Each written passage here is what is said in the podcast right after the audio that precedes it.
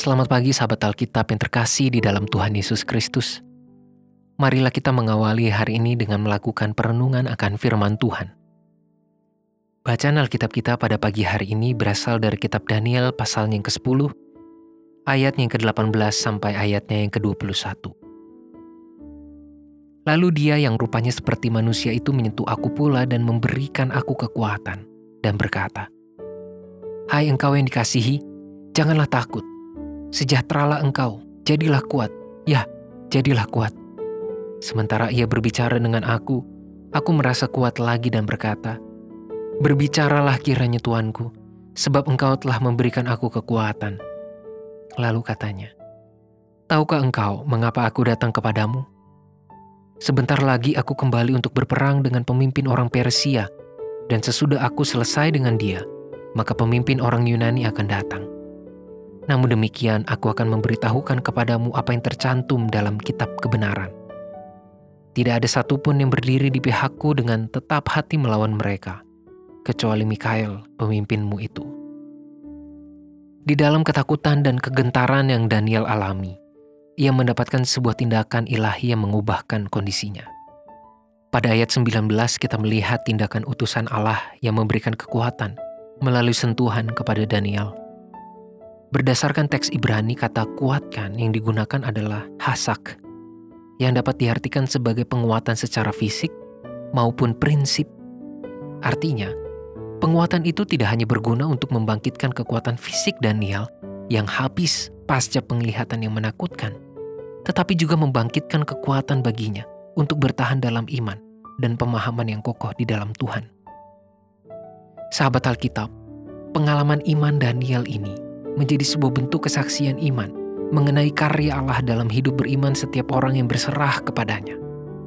Kita juga dapat belajar bahwa di dalam praktik berdoa, tidak hanya persoalan apakah permohonan kita terkabul atau tidak, melainkan juga perihal sentuhan ilahi yang menguatkan.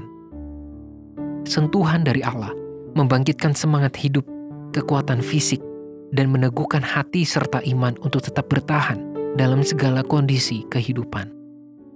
Namun, ada kalanya kita tidak menghiraukan atau kurang menyadari sentuhan Allah yang menguatkan akibat hati dan pikiran yang terlalu tertuju kepada permasalahan atau keinginan pribadi.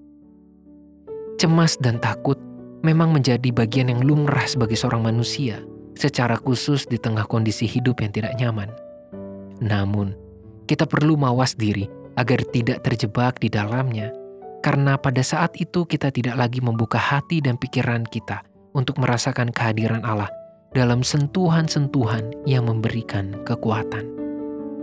Kita terlalu fokus kepada persoalan apakah Allah menjawab doa-doa kita atau tidak. Kita terlalu fokus kepada persoalan kenapa masalah saya tidak kunjung usai.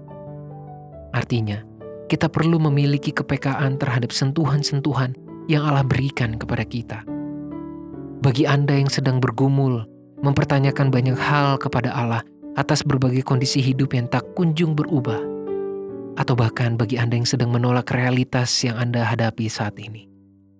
Kiranya kasih Allah menjadi bagian yang nyata dan Anda rasakan melalui sentuhan-sentuhannya yang menguatkan. Marilah kita berdoa. Ya Tuhan, sebagai manusia yang lemah, dan penuh dengan kekurangan. Seringkali, tanpa kami kehendaki, kami gagal untuk mengikut Tuhan dengan setia. Dan bahkan kami gagal untuk merasakan sentuhan Allah yang menguatkan kami. Tetapi kami percaya, kami yakin bahwa Engkau setia.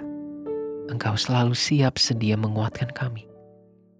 Tolonglah kami Tuhan untuk merasakan sentuhan-sentuhanmu. Dan biarlah melalui kehidupan beriman kami, menjadi cara komunikasi yang baik antara kami dengan Engkau. Di dalam nama Tuhan Yesus Kristus kami berdoa dan memohon. Amin.